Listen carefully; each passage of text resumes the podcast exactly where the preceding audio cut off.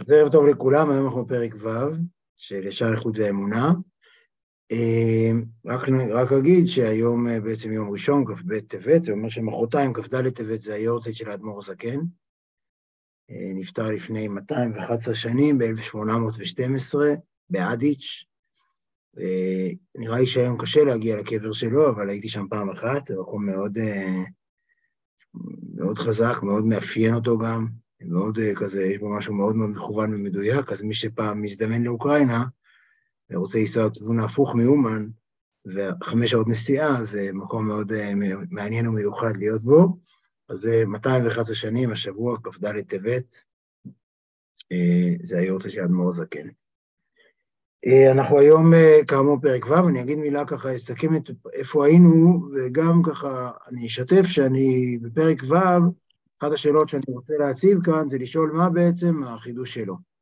כלומר, הפרקים הולכים ומתקדמים, ובהרבה בחינות אני מרגיש שדווקא בשונה מהטניה, שככה היה כמה תחושה שהוא ממהר, טניה שאני מתכוון, מתכוון לליקוטי המרים, כאן הוא, הוא נראה שהוא ממש הולך לאט וחוזר הלוך חזור. כלומר, יש פה איזו נקודה, בטניה אחד הדברים שאני נשאל על הפרק הזה, זה מה החידוש, מה הנקודה שבה הוא מחדש הפרק הזה, כי יכול להיות שחלקו יהיה בעצם חזרה, גם דברים קודמים, וזה בעיניי אחד הדברים המעניינים, זה להבין למה הוא חוזר על זה, ומה הוא מחדש בכל פרק.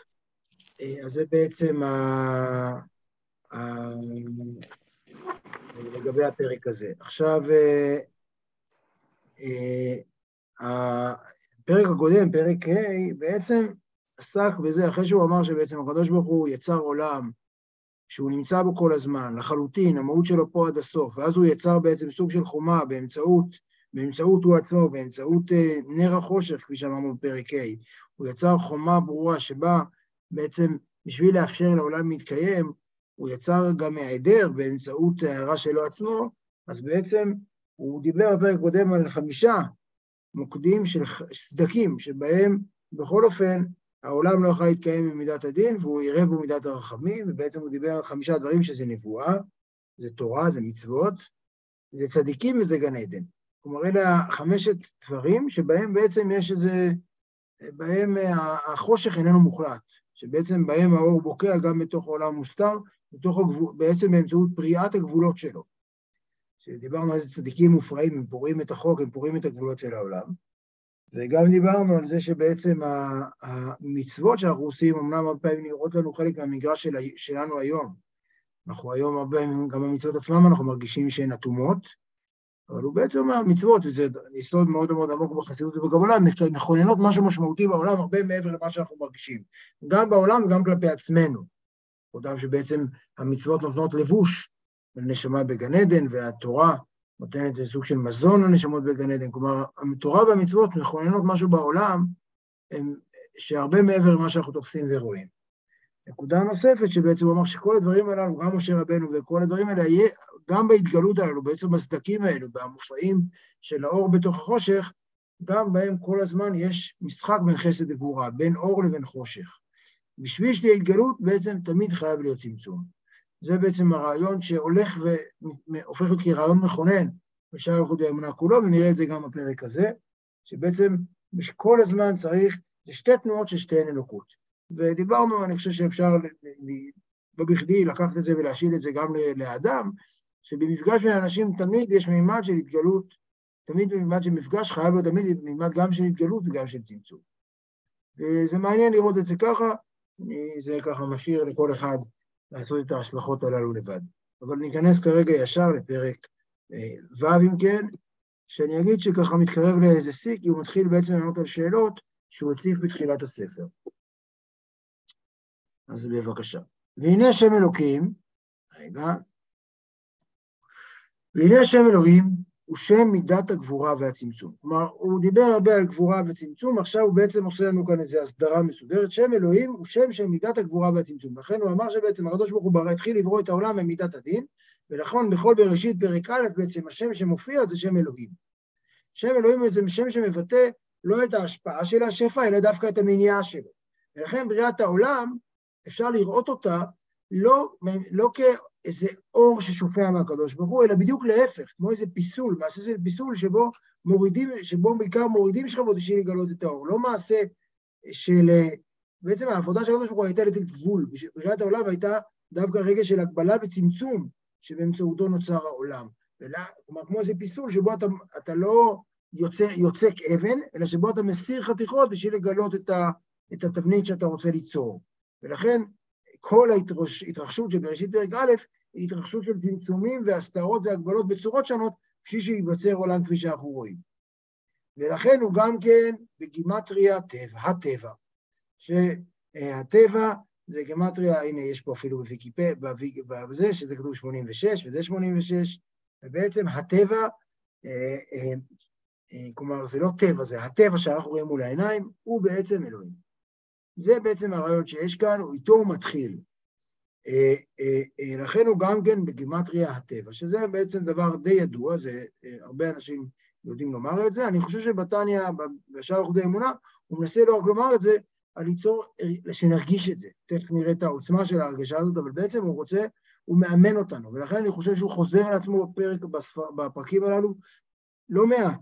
הלוך חזור, הוא חוזר על הנקודה הזאת, כי יש פה דבר שדורש התבוננות. אם אני מחזיר אותנו בעצם להקדמה לשער איכות והאמונה, שהוא דיבר על עבודה מאוד מאוד מעמיקה, בהגיעת, בהגיעה של לב ובשר, בהתבוננות חדה ובהעמקה רבה, עד שאתה מגיע למצב שבו אתה כבר לא מסוגל לראות את הטבע כפשוטו, אלא אתה מסוגל, הטבע, כל הזמן אתה רואה אותו ואתה יודע שהוא בעצם, אה, שהוא בעצם הופעה של אלוהים. זה בעצם האימון שבעל התניא מנסה לעשות לנו כאן. אה, מהרבה בחינות זה כמו שאנחנו רואים סרט, שהחוויה הקולנועית נמצאת בה תמיד גם התחושה שאתה רואה סרט, אבל גם תמיד אתה יודע שזה סרט. כי אם אתה תחשוב לרגע שזה לא סרט על המציאות, אתה תפסיק ליהנות מהסרט. כלומר, יש פה משהו שאתה לעולם לא נוכל לראות את הטבע כמו שהוא, תמיד, נוכל, תמיד נראה את הטבע כסוג של וילון, שנדע שיש מאחוריו בעצם איזה כוח פועל באופן מתמיד, כמו שאמרנו. אז זה בעצם הרעיון שהוא עובד עליו, שנגיע לכך שהעיניים שלנו יסתכלו על המציאות באופן אחר. הדבר הזה יש לו משמעות רבה מאוד על האופן שבו אנחנו חיים ועל האופן שבו אנחנו פועלים.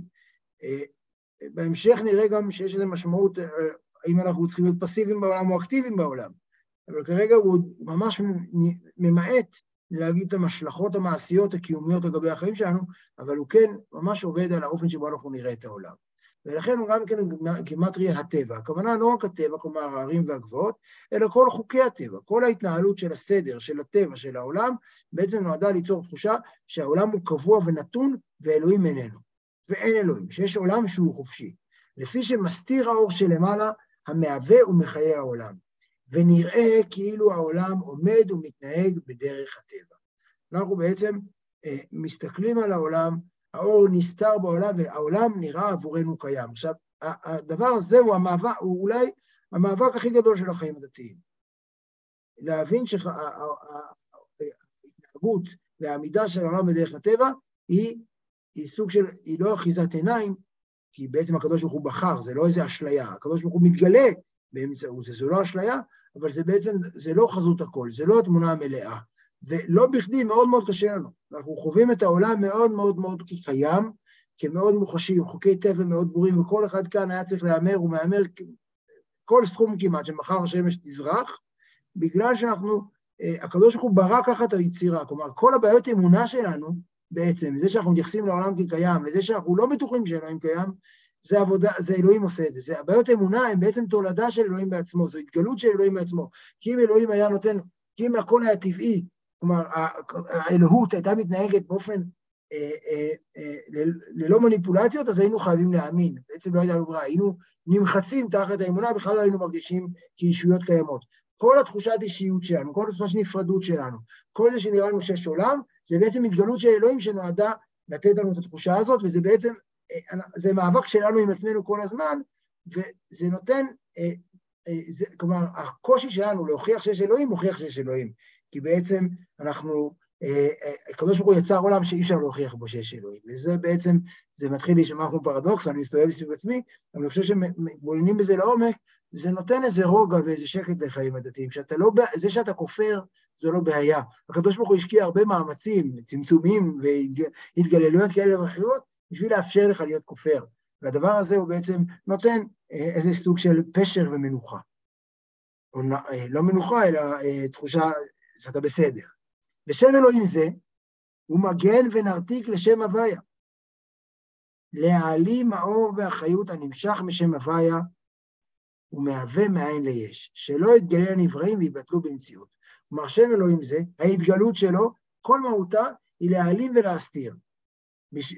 את זה שבעצם העולם הוא כל הזמן בפעימות. הוא כל הזמן בפעימות והתגלויות, הוא לא פועל, הוא לא, הוא לא לרגע אחד אוטונומי ועצמאי, וכל, ההתפ... וכל הזמן הוא צריך שהקדוש ברוך הוא אה, יפעם בו בשביל שהוא יוכל להתקיים.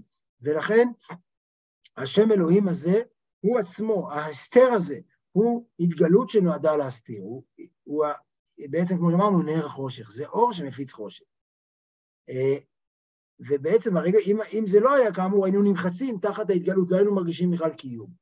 והרי בחינת גבורה זו וצמצום הזה הוא גם כן, הוא גם כן בחינת חסד, שהעולם ייבנה בו, וזוהי בחינת גבורה הכלולה בחסד. כלומר, בעצם כל הדברים האלה הם חסד.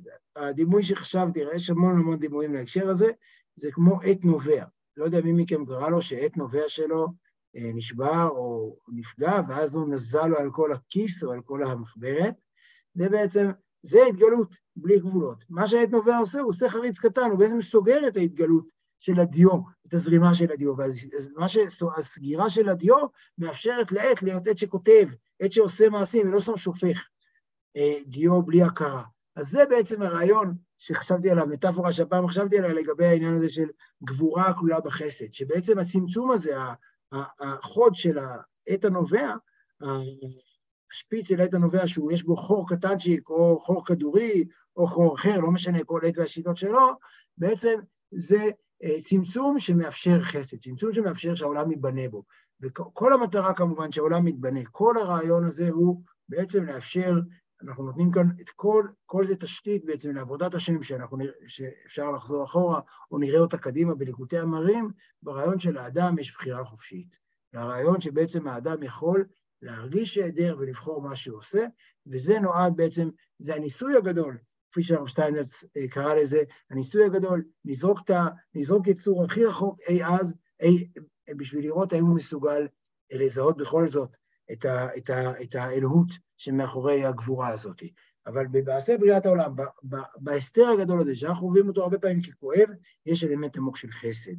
שבשביל, אחרת היה פה שטף של הערה שלא היה לה שום פשר ושום משמעות, ובעצם לא היו בו שום ברואים. היא הייתה פשוט מוחצת את הכל. והנה מתקללות המידות זו בזו, כן, גבורה כלולה בחסד, נראה לעין דאיהו וגרמו אחד. עכשיו, כאן יש משהו שבפרק הקודם, הוא אמר שאיהו וגרמו אחד, כלומר, הוא והנגרמים, הפועל והנפעל, השם אלוהי, האלוהים והקדוש ברוך הוא והברואים שלו, שזה, אתה מרגיש אותם כאחד לגמרי, זה משהו שאפשר רק בעולם האצילות. הוא אפילו אמר שמשה רבנו רק מסוגל אה, לחבור, אפילו משה רבנו לא מסוגל באופן מלא לפגוש את זה, כי אם משה רבנו לא מסוגל באופן מלא לפגוש את זה, הוא עצמו לא יכול להיות קיים. אבל כאן הוא אומר, נראה לעין. כלומר, וזה מאוד מאפיין בעדיין, שמצד אחד הוא אומר דברים שאי אפשר לתפוס, אה, אי אפשר, להעיד מחשב התפיסה בי, מצד שני, כל אחד יכול לתפוס, וזה ממש קורה לו הרבה פעמים בתניא, שמצד אחד אי אפשר לחוש את האיור וגרמו אחד, כי ברגע שאתה תראה, תחשוב, לא תחוש, לא, לא תראה הבדל בין הבריאה לבורא, אז תפסיק לחיות, הוא בעצם אומר כאן, נראה לעין. חשוב לו להדגיש כאן, הם כאלות המידות זו בזו, נראה לעין. אפשר בעבודה הזאת, באמצעות ההתבוננות הזאת, לחוש לרגעים את הרעיון שאין הבחנה, שאין ברואים, אלא שכולו, כל עולם שוטף באלוהות אחת מאוחדת. שאין מידותיו, כי מאחר שאין בייחוד גמור עמו, כלומר עם הקדוש ברוך הוא, לכן הן מתייחדות זו בזו ותקולות זו מזו. כמאמר אליהו, ואנטו דקשיר לנו, מייחד לו וכולי, ובר מנח, לית איחודה בעילי ותתה וכולי. כלומר, בגלל שהמידות הללו, שהן מידת החסד והגבורה, או שם הוויה ושם אלוהים, כלולות בו לגמרי, כלומר, הם ממקור אחד, גם שם הוויה הוא לא אלוהים בעצמו. אלוהים בעצמו לא בורא, אלוהים בעצמו הוא מעל ומעבר, זה אחד הדברים שחב"ד, כל פעם שאתה מנסה, מתארים קצת אלוהים, אתה מבין שיש עוד אלוהים שאתה לא מסוגל, אי אפשר לתאר אותו, זה מאוד מאפיין. אז, אז אה, שם הוויה ושם אלוהים, או הגבורה והחסד, או הטבע וה, והאלוקות, או כל הדברים, החושך והאור, כל המטאפורות והכינויים שנתנו להם כאן, הן בעצם כלולות זו מזו, כי הן בעצם עושות את אותה פעולה, שתיהן ביחד מנסות ליצור עולם. באמצעות של אור, שטף של אור, באמצעות הגבלות לאותו שטף של אור. ולכן הן כלולות בזו, ואז אפשר לרגע לחוש בעצם שאני, אה, שאני והעולם כולו, כולו אי וגרמו אחד, שאין הבחנה ביני לבינו. זה רגעים, אנחנו נראה בפרק הבא, שבקריאת שמע בפרט בפסוק ראשון, בעצימת העיניים, אנחנו עוצמים עיניים, בשביל שרגע נהיה, אה, נחווה לרגע את המרחב הזה, שבו אי הוא וגרמו אחד, שבו השם אחד לגמרי, שאני חלק מהאחדות המוחלטת הזאת. זה נראה אה, בפרק הבא, שהוא בעצם יחזור לפסוק שהוא מנסה להסביר כל הספר, זה פסוק אה, ראשון של קריאת שמע. לכן הן מתייחדות זו בזו וכלולות זו מזו. כמאמר אליה, כלומר שתי המידות הללו הם לגמרי אותו מעשה של בריאת העולם. כמאמר, כלומר ההתגלות והצמצום, אנחנו בעצם, הוא קצת מבטל את ההיררכיה. אם קודם היה, זה אני חושב שזה אחד החידושים, אחד הדברים שהוא ממשיך ומעמיק ולא נאמר בצורה ברורה בפרקים הקודמים. זה לא שיש שטף של אור ואז בסוף איזה גבול קטן, איזה מסך, וילון, אלא שהשטף של האור והמסכים הם פועלים ביחד בשביל העולם, שניהם פרויקט של עולם חסד ייבנה. כמאמר אליהו ואנטו תקשר אלינו כלומר, אתה קושר אותם ומייחד אותם שהם יפעלו ביחד. אתה יצרת, אתה שמעל לשם הוויה ושם אלוהים יצרת, והפכת אותם לאיזה צמד שפועל יחד ובורא עולם, ובר מנח, כלומר חוץ, ו, ולא יכול להיות איחוד בעליונים ובתחתונים חוץ ממך. כלומר, הדבר היחיד שיוצר אחדות בעולם זה אלוהים. זה, ולכן אגב, אומרים שכל מה שבן אדם מרגיש רגע שהעולם באיזה הרמוניה, זה בעצם רגע של התגלות של אלוהים. וזהו שכתוב, הפרק הזה טיפה יותר ארוך מהפרקים הקודמים, אבל אנחנו עדיין בעזרת השם נעמוד בזמנים. וזהו שכתוב, והשבות אל לבביך, כי אדוני הוא האלוהים. כאן זה י"ה ו"ה הוא האלוהים. כלומר, כאן יש עבודה, קודם כל, שזה אולי הדבר הכי משמעותי שהוא אומר כל הזמן, שאתה צריך לעשות עבודה אל הלב שלך ואל השכל שלך, אל פנימה, לתפוס בזה. זה לא קורה באופן אוטומטי. כל התניא מדבר על עבודה מלאכותית, זה לא, עבודה לא טבעית. עבודה טבעית אנחנו נרגיש שהעולם נפרד ואין קיום לאלוהים. מי שיחשוב שאמונה תצנח לו משום מקום, זו טרגדיה, זה לא יקרה. בשביל לחוש את העולם, את האלוהים, את הקדוש ברוך הוא בתוך העולם, צריך לעשות עבודה שהשבות האלה בביך, ממש סוג של עבודה שזה לא יתפרץ באופן ספונטני. פירוש ששני שמות אלו, והשבות על אביך כי השם, י' ה' ו' הוא האלוהים. פירוש ששני שמות אלו הם אחד ממש. שגם שם אלוהים המצמצם ומעלים האור הוא בחינת חסד כמו שם הוויה. משום שמידותיו של הקדוש ברוך הוא מתייחדות עמו בייחוד גמור, והוא ושמו אחד, שמידותיו הן שמותיו. כלומר שהמידות שלו שזה הדרכים שבהם הוא מתגלה, והשמות שלו, שזה אותו דבר, המידות זה חסד וגבורה, השמות זה שם אלוהים בשם הוויה, הם אותו דבר, זה אותו רעיון. עכשיו, כשאנחנו צועקים בסוף, בסוף יום כיפור, השם הוא האלוהים שבע פעמים, אנחנו בדיוק טוענים את הטענה הזאת, אנחנו מנסים לשכנע את עצמנו אחרי יום שלם של עבודה, שאנחנו כבר, שהגוף די שבור, והעולם נראה כבר קצת, אה, אנחנו כבר לא לגמרי מבחינים מה האמת ומה... המציאות מטושטשת יותר, אנחנו מנסים בדיוק לשכנע את עצמנו את הרעיון הזה, שהכל אחד, שאין הסתר, שאני, שאין חציצה בין הברור לבין הנברא, שהעולם ואלוהים חד הם. זה בעצם הרעיון. וכאן הוא חוזר כאן שוב על הרעיון, שגם שם אלוהים המלא, המצמצם מעלים האור, הוא בחינת חסד, כמו שם הוויה. כלומר, זה, אנחנו, האלוקים, ההתגלות שלו היא, היא בעצם במניעת התגלות. כלומר, כאשר כל מה שאנחנו רואים שם אלוהים זה בעצם שהקדוש ברוך הוא צמצם בשביל להתגלות, שהקדוש ברוך הוא בעצם, אה, אה, אה, הייתה הערה, היה שטף של הערה שלא יכולת לקלוט. האלוהי, ההתגלות שם אלוהים זה בעצם סוג של שנאי, או סוג של טרנספורמטור, שהופך את המתח הגבוה שלא ניתן לתפיסה בכלל, למשהו שאתה מסוגל לתפוס אותו, משהו שאתה מסוגל להתמודד איתו, ולכן שם אלוהים הוא גם כן התגלות מוחלטת. עכשיו, הדבר הזה יש לו משמעות אדירה לכל ההתמודדות שלנו גם עם אסתר וגם עם רוע. בעצם אין רוע בעולם. עכשיו, אין רוע לא במובן הזה שאין תחושה רעה, אנחנו הרבה פעמים חווים דברים שהם מאוד מאוד מאוד מאוד רעים וקשים וכואבים, אבל במהות המוחלטת אה, אין רוע. אגב, הרב שטיינץ מציין שיש דבר אחד שהוא כן רע בעולם, שזה האדם שבחר בחירה חופשית לא טובה. כלומר, שנחש עוקץ, מקיש אדם, זה תפקידו בעולם, זה התגלות של שם, של הצמצום והדין. אבל כאשר אדם בוחר בחירה רעה, זה רגע שבו זה, זה רע שהקדוש ברוך הוא לא ברא בעצמו, לפחות לא באופן ישיר, כמובן שבוודאי גם כן, בסופו של דבר, עבור, עבור, עבור אדם אחר זה כן. אבל בכל זאת זה נותן איזשהו פשר של אחדות, ובעצם אנחנו בספר הזה עסוקים מאוד מאוד במצוות אחדות השם, שבעצם כלב המעשה הדתי, מעשה הדתי, באופן כללי, גם בדרך מצוותיך, שזה הנכד של האדמו"ר הזקן, הוא אומר שלהאמין באלוהים זה קל. אי אפשר, האדמו"ר האמצעי, האדמוור צמח צדק אומר בדרך מצוותיך, שכל אחד יכול להאמין באלוהים. אי אפשר להסתכל בעולם בלי להאמין באלוהים. אפשר אולי היום להתווכח עם הטענה הזו, אבל הוא אומר שהעבודה הקשה היא להאמין באחדות אלוהים. מצוות אחדות, לראות בכל הדברים, לראות בכל המציאות, בכל ההתגלויות, גם כן התגלות של השם. ואם כן, ממילא תדע שבשמיים ממעל ועל הארץ מתחת אין עוד. פירוש. עכשיו, אנחנו, זה בעצם כאן שובר את הרעיון של האלוהים כדבר רוחני. אלוהים, רוחניות וגשמיות אחד הם עבורו. פירוש, שגם הארץ החומרית שנראית יש גמור לעין כל, היא עין ואפס ממש לגבי הקדוש ברוך הוא. כלומר, היא גם כן כמו אישויות רוחניות. אנחנו, אחת הבעיות שאנחנו מזהים את אלוהים עם הרוחני, ולכן נראה לנו שהמציאות הפיזית היא משהו ממשי. ואין זה כך, כי שם אלוהים, בשנייה אחת, כלומר, נקרא את זה שוב, פירוש שגם הארץ החומרית שנראית יש גמור לעין כל, היא עין ואפס ממש לגבי, לגבי הקדוש ברוך הוא. היא לא קיימת באותה מידה. זה לא שיצורים אלוהים יותר קיימים, רוחניות תלויה באלוהים יותר מאשר הדברים הגשמיים. לחלוטין זה עין ואפס, עין ואפס לגבי הקדוש ברוך הוא, והוא זה שמהווה את זה כל רגע ורגע, כמו שאמרנו על אותיות א', ב', נ', שהקדוש ברוך הוא אומר אותם כל הזמן בשביל לעבוד ולקיים את כל האבנים שבעולם. כי שם אלוהים אינו מעלים ומצמצם אלא לתחתונים, ולא לגבי הקדוש ברוך הוא, מאחר ושמו אלוהים אחד.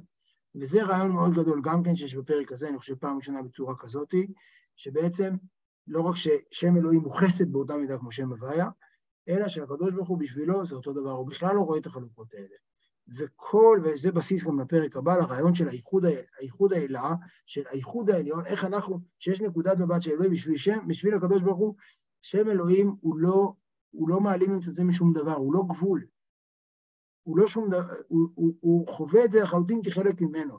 נכון שזה עבורנו נסתר, עבורנו אנחנו מסתכלים ויש מסך כביכול, אבל עבור הקדוש ברוך הוא, שם אלוהים, הוא, המשמעות שלו, הצמצום שלו זה רק עבורנו. הוא עצמו חווה את זה לחלוטין כחלק ממנו. ולכן, גם הארץ ומתחת לארץ הן עין ואפס ממש לגבי הקדוש ברוך הוא, ואינן נקראות בשם כלל. כלומר, זה לא שיש עולם ואלוהים מתגלה אליו. זה דבר שהוא פעם אחר פעם מנסה להיאבק במחשבה הזאת, ונראה איך הוא ממשיך פה להיאבק ברעיון הזה, שיש עולם ואלוהים הוא סוג, כאילו יש ציור של עולם, ואז אלוהים מתגלה אליו מבחוץ. העולם הוא אלוהים. עכשיו, זה, זה, שמתאמצים ומעמיקים ברעיון הזה שהעולם הוא האלוהים, אנחנו בעצם, זה שובר לנו את כל האופן שבו אנחנו מדמיינים אלוהים, כי אנחנו בכל זאת, למרות שאנחנו כולנו מפותחים, הרבה מאיתנו מפותחים, עדיין התפיסה שלנו את אלוהים היא כמשהו שמחוץ לעולם ושבא ומופיע בו מעת לעת. גם האופן שבו רבים מאיתנו מזהים התגלות, חוב, מדמיינים נבואה, הוא באופן שבו אנחנו מצפים למשהו ששובר את השמיים, למשהו ש, שיוצא. עכשיו, זה מה שאמרנו בפרק הקודם, בפרק הזה, העולם עצמו הוא אלוהים, ולכן גם הארץ ומתחת הארץ אין עין ואפס ממש לגבי הקדוש ברוך הוא. כלומר, הם לחלוטין, אה, אה, עין ואפס במובן הזה שהם לחלוטין תפילים אליו. הם לחלוטין שלו, הם חלק ממנו, הם לא משהו תוספת אליו. ואינן נקראות בשם כלל, אפילו בשם עוד, שהוא לשם טפל. כלומר, זה לא שהעולם הוא דבר נוסף ביחס לאלוהים. אין דבר נוסף ביחס לאלוהים, אלוהים מלא את הכל. כמאמר בדני זיכרונם לברכה, יהודה ועוד ליטרה, יש בקידוש עם דף ו' או דף ח', אני לא זוכר בדיוק, אה, שקוראים אה, לאישה, לשפחה, קוראים חרופה. ומקשים שם בגמרא, יהודה ועוד לקרא, כלומר, התורה, שכתוב בה את הרעיון הזה של שפחה נחרפת, צריך סיוע ממנהג מיהודה, זה לא, זה לא, אבל בכל זאת, גם בגמרא שם, בעצם יש את המקרא, את, את הקרא, את, את התורה, ואז יש מנהג יהודה שהוא כאילו תוספת למקרא. זאת אומרת, לא, זה לא שיהודה, שהקדוש ברוך הוא צריך איזה משהו עוד. אין שום עוד לקדוש ברוך הוא, הכל הוא, אין, אין שום, אין עוד. וזה בדיוק הרעיון של הפסוק, שתכף נראה, אין עוד, אצל הקדוש ברוך הוא אין עוד, הוא, זהו, הוא הכל, אין שום דבר מעבר לאלוהים, שום דבר נוסף אלוהים. וכגוף שהוא טפל הנשמה וחיות שבתוכו. כלומר, זה לא שהיחס, עכשיו, אחד, הבא, אחד הדברים שהוא מתמודד איתם פה, ואנחנו כל החיים חווים אותו, בגלל שאנחנו חונכנו, אחרי שקצת גדלנו, ואמרו, אוקיי, מנפשי איך זה אלוה. כלומר, שאנחנו, איך שאני, כמו שהנשמה ממלאה את הגוף, כך כזה שהוא מלא את העולם. וזו מטאפורה שמאוד עוזרת לנו בהתחלה, היא מטאפורה שעושה לנו נזק בהמשך. כי הגוף תפה, אנחנו מדמיינים שיש גוף, שיש נשמה, ויש גוף שהוא מוסיף לנשמה. ברור לכולנו שאם חס ושלום תיקטע לנו אצבע, הנשמה לא תיפגע. הנשמה היא שלמה. וגם ברור, אנחנו כולנו יודעים שאם אדם נפטר והנשמה מסתלקת מהגוף, הגוף אינו מתפוגג מיד. הגוף עוד קיים כל עוד הוא, עד שהכוחות האורגניים שבתוכו אה, פועלים עליו והוא, והוא, אה, והוא אה, מתחבר לאדמה בצורה כזו או אחרת. אבל בעצם הרעיון הוא שהגוף הוא טפל לנשמה, יש לו קיום חוץ מהנשמה. ו- וככה אנחנו מדברים לקדוש ברוך הוא בעולם, שיש עולם והקדוש ברוך הוא נותן לו חיים. גם זה בעיני בעל נתניה הוא סוג של כפירה באחדות השם. כי הקדוש, זה לא ש... זה, נראה את זה מיד כאן, וזהו שכתוב, הללה השם בחיי, שזה הנשמה, אז אמרה לאלוהי בעודי, שהחיים נמשכים משם הוויה, והעוד שהוא תופל הגוף משם אלוהים. כלומר, מה שהוא אומר כאן, אנחנו גם כן חווים את ה... בעצם יש לנו, אנחנו, אה, אה, אה, הוא אומר, אנחנו, העודי, כאן מהפסוק הזה, הוא מוכיח את זה שהעוד שלי, העוד של הגוף, זה, העוד של, של האישיות שלי זה הגוף. חיי זה הנשמה, ולכן העללה השם י' ה' ו' בחיי, זה הנשמה, אז אמרה לאלוהי בעודי בגוף שלי. אבל העוד זה העוד שלי. לעומת זאת, הקדוש ברוך הוא בכלל לא עוד, הוא אומר כמו משפט ארוך, ותכף תראו שזה בדיוק מה שהוא אומר. לפי שהנשמה אינה מהווה הגוף מאין לאש, אבל הקדוש ברוך הוא המהווה את הכל מאין לאש, הכל בטל במציאות אצלו, מאור השמש בשמש. ולכן הגוף הוא לא עוד, אה, סליחה, הגוף הוא כן עוד הנשמה, אבל הקדוש ברוך הוא, היחס שלו לעולם הוא לא כמו עוד, אין טפל, זה לא תוספת. אין קיום לעולם בלי אלוהים, בשונה מהגוף שיש לו קיום כלשהו בלי הנשמה. כי הנשמה היא לא מהווה את הגוף מאין ליש. עוד רגע הוא ימשיך בזה, ולכן נצטרך כתוב להזהיר, וידעת היום והשבות האלה לבביך. כי למה צריכה השבות האלה לבביך? כי המק... הסיטואציה שבה אנחנו פוגשים היא סיטואציה שבה אנחנו חווים אצלנו שיש גוף נפרד ונשמה שלפעמים מתגלת ולפעמים לא, ולפעמים גם בן אדם מת ועדיין הגוף קיים. שלא תעלה על דעתך שהשמיים וכל צבאם והארץ ומלאי דבר נפרד בפני עצמו, והקדוש ברוך הוא ממלא את כל העולם כי התלבשות הנשמה בגוף, הוא משפיע כוח הצומח בארץ וכוח התנועה בגלגלים ומניעה ומנהיגם כרצונו, כמו שהנשמה מניעה את הגוף ומנהיגתו כרצונה. כלומר, כאן, בפרק הזה הוא בצורה, הוא תוקף לחלוטין את הרעיון הזה שאנחנו מזהים, את היחס בין הקדוש ברוך הוא לעולם, כמו היחס בין הנשמה אל הגוף. הוא אומר, שלא תדמיין שמה שאתה מרגיש בחיים שלך, שיש, שהקדוש ברוך הוא סוג של המנוע, הוא סוג של האנרגיה, הוא סוג של האור אה, אה, שבוקע בגוף. לא, כי העולם אה, לא קיים לרגע בלי אלוהים, ולכן צריך, בגלל, כלומר כאן הוא בא, כל הפרק הזה, הוא בעצם בא להגיד, תשמעו, מבחינת הקדוש ברוך הוא אין בכלל הסתר. מבחינתנו יש הסתר מלא, ועד כי הסתר הוא עד כדי כך שגם את הקדוש ברוך הוא אנחנו מדמיינים לפי התפיסה שלנו. את הקדוש ברוך הוא אנחנו מדמיינים כל הזמן לפי האופן שבו אנחנו מזהים את עצמנו. אחת הבעיות שלנו, שהאופן שבו אנחנו מסוגלים לחשוב אה, הוא, הוא, הוא, הוא, הוא נטוע באופן שבו אנחנו חיים את החיים שלנו, אין לנו ברירה. והוא מנסה כאן להיאבק בדבר מאוד קשה, גם עם התחושת הקיום של העולם, וגם עם זה שאחרי שאנחנו אומרים, טוב, יש אלוהים, אנחנו מדמיינים אותו כמו הנשמה בגוף, שזה הדבר הכי רוחני שאנחנו פוגשים. הוא בעצם נאבק ברעיון הזה ומנסה לדרוש מאיתנו כאן לחשוב מעבר ליכולותינו, מעבר לקונספציות ולתפיסות שלנו עצמם. וזה מאוד מאוד קשה, ולכן צריך פה אה, מאמץ גדול, וידעת היום מהשבות על לבביך. אך באמת, עכשיו, הוא ממשיך כאן עם הרעיון של ההשוואה לגוף, ואומר, אין המשל של הגוף והנשמה דומה לנמשל של הקדוש ברוך הוא בעולם כלל. כי הנשמה והגוף הם באמת נפרדים זה מזה בשורשם. כי אין התהוות שורש הגוף ועצמותו מנשמתו. כלומר, זה לא שיש נשמה, ולאט לאט נוצרה סביבה גוף. אלא הגוף, אלא הגוף נוצר מטיפות אביו ואמו. וגם אחרי כן אין גידולו מנשמתו לבדה. הרי אנחנו היום, הנשמה היא לא הדבר שמפעים חיים לגוף, אלא על ידי, בהתחלה על ידי אכילת ושתיית עמו כתשעה חודשים, ואחר כך על ידי אכילה, אכילתו ושתייתו בעצמו. כלומר, הגוף יש לו, הוא מתפתח לצד הנשמה. הם לא תלויים זה בזה במובן הזה הם תלויים זה בזה בהרבה דברים, אבל לא במובן של הקיום הבסיסי ביותר. כי הנשמה כאמור מגיעה ממקום אחד, והגוף מגיע ממקום אחר, בהתחלה מטיפות אביו ואמו, ואחרי זה בהיווצרות ברחם, ואחרי זה ממה שהוא אוכל לבד. מה שאין כאן השמיים והארץ, שכל עצמותם ומהותם נתבע מאין ואפס המוחלט, רק בדבר השם ורוח פיו יתברך. כלומר, המציאות כאן, אין, יש מקור אחד. האלוהים הוא המחייב ומהווה את הכל. ואין קיום של העולם בלי אלוהים בכלל. זה לא שהעולם בלי אלוהים הוא עולם מנוכר ועצוב, אין עולם בלי אלוהים. וגם עדיין, זה לא רק בבריאה, אלא גם עדיין, כמו שהוא אמר בפרק א', ניצב דבר, ניצב דבר השם לעולם, ושופע בהם תמיד בכל רגע, ומהווה אותם תמיד מאין ליש, כי התהוות האור מהשמש בתוך גוף כדור השמש עצמו דרך משל. כלומר, העולם קיים כמו שהאור של השמש קיים, בזכות זה שהשמש, ברגע שהשמש עצמה לא תהיה קיימת, לא יהיה אור של השמש. כמו שהוא אמר גם בפרקים הקודמים, זה כמו אור השמש על השמש עצמה. פשוט אנחנו כאן מסוגלים ללכת על השמש עצמה ולחוות את האור של השמש, כי הקדוש ברוך הוא במאמצים כבירים מסתיר את השמש עצמה. ואם כן, הם בטלים באמת במציאות לגמרי לגבי דבר השם פיו יתברך, המיוחדים במהותו ועצמותו. כלומר, באמת, העולם כולו לא קיים מנקודת המבט של אלוהים. מנקודת המבט של אלוהים אין עולם, הוא לחלוטין חלק ממנו, כמו שהתבהר לקמן כביטול האור השמש בשמש. רק שהן הן גבורותיו. אז איך בכל זאת העולם בעינינו קיים? רק שהן הן גבורותיו במידת הגבורה והצמצום. כלומר, הקדוש ברוך הוא אה, יצר, האל הגדול הגיבור, קודם כל גדול, הוא משפיע חסד, ואז הוא גיבור בזה שהוא גיבור לא בזה, כתוב, איה גבורותיו, הרי הבית כתוב שם מדרש, איה גבורותיו, הרי בית המקדש חרב, אז אומרים, אומרים הן הן גבורותיו, שזה הגבורות שלו, שהגבורות שלו דווקא שהוא הצליח לגרום לעצ... לעצירה של האור בשביל ליצור עולם. רק שהן הן גבורותיו במידת הגבורה והצמצום, להסתיר ולהעלים החיות השופע בהם, שיהיו נראים השמיים והארץ וכל צבאם, כאילו הם דבר בפני עצמו. כלומר, זה מאמץ אדיר של גבורה וצמצום מאון כמותם, בשביל שנקודת אה, אה, מבט של אלוהים לא תהיה נקודת מבט של כל העולם, ונרגיש שרגע נפרדים. אך אין הצמצום וההסתר אלא לתחתונים.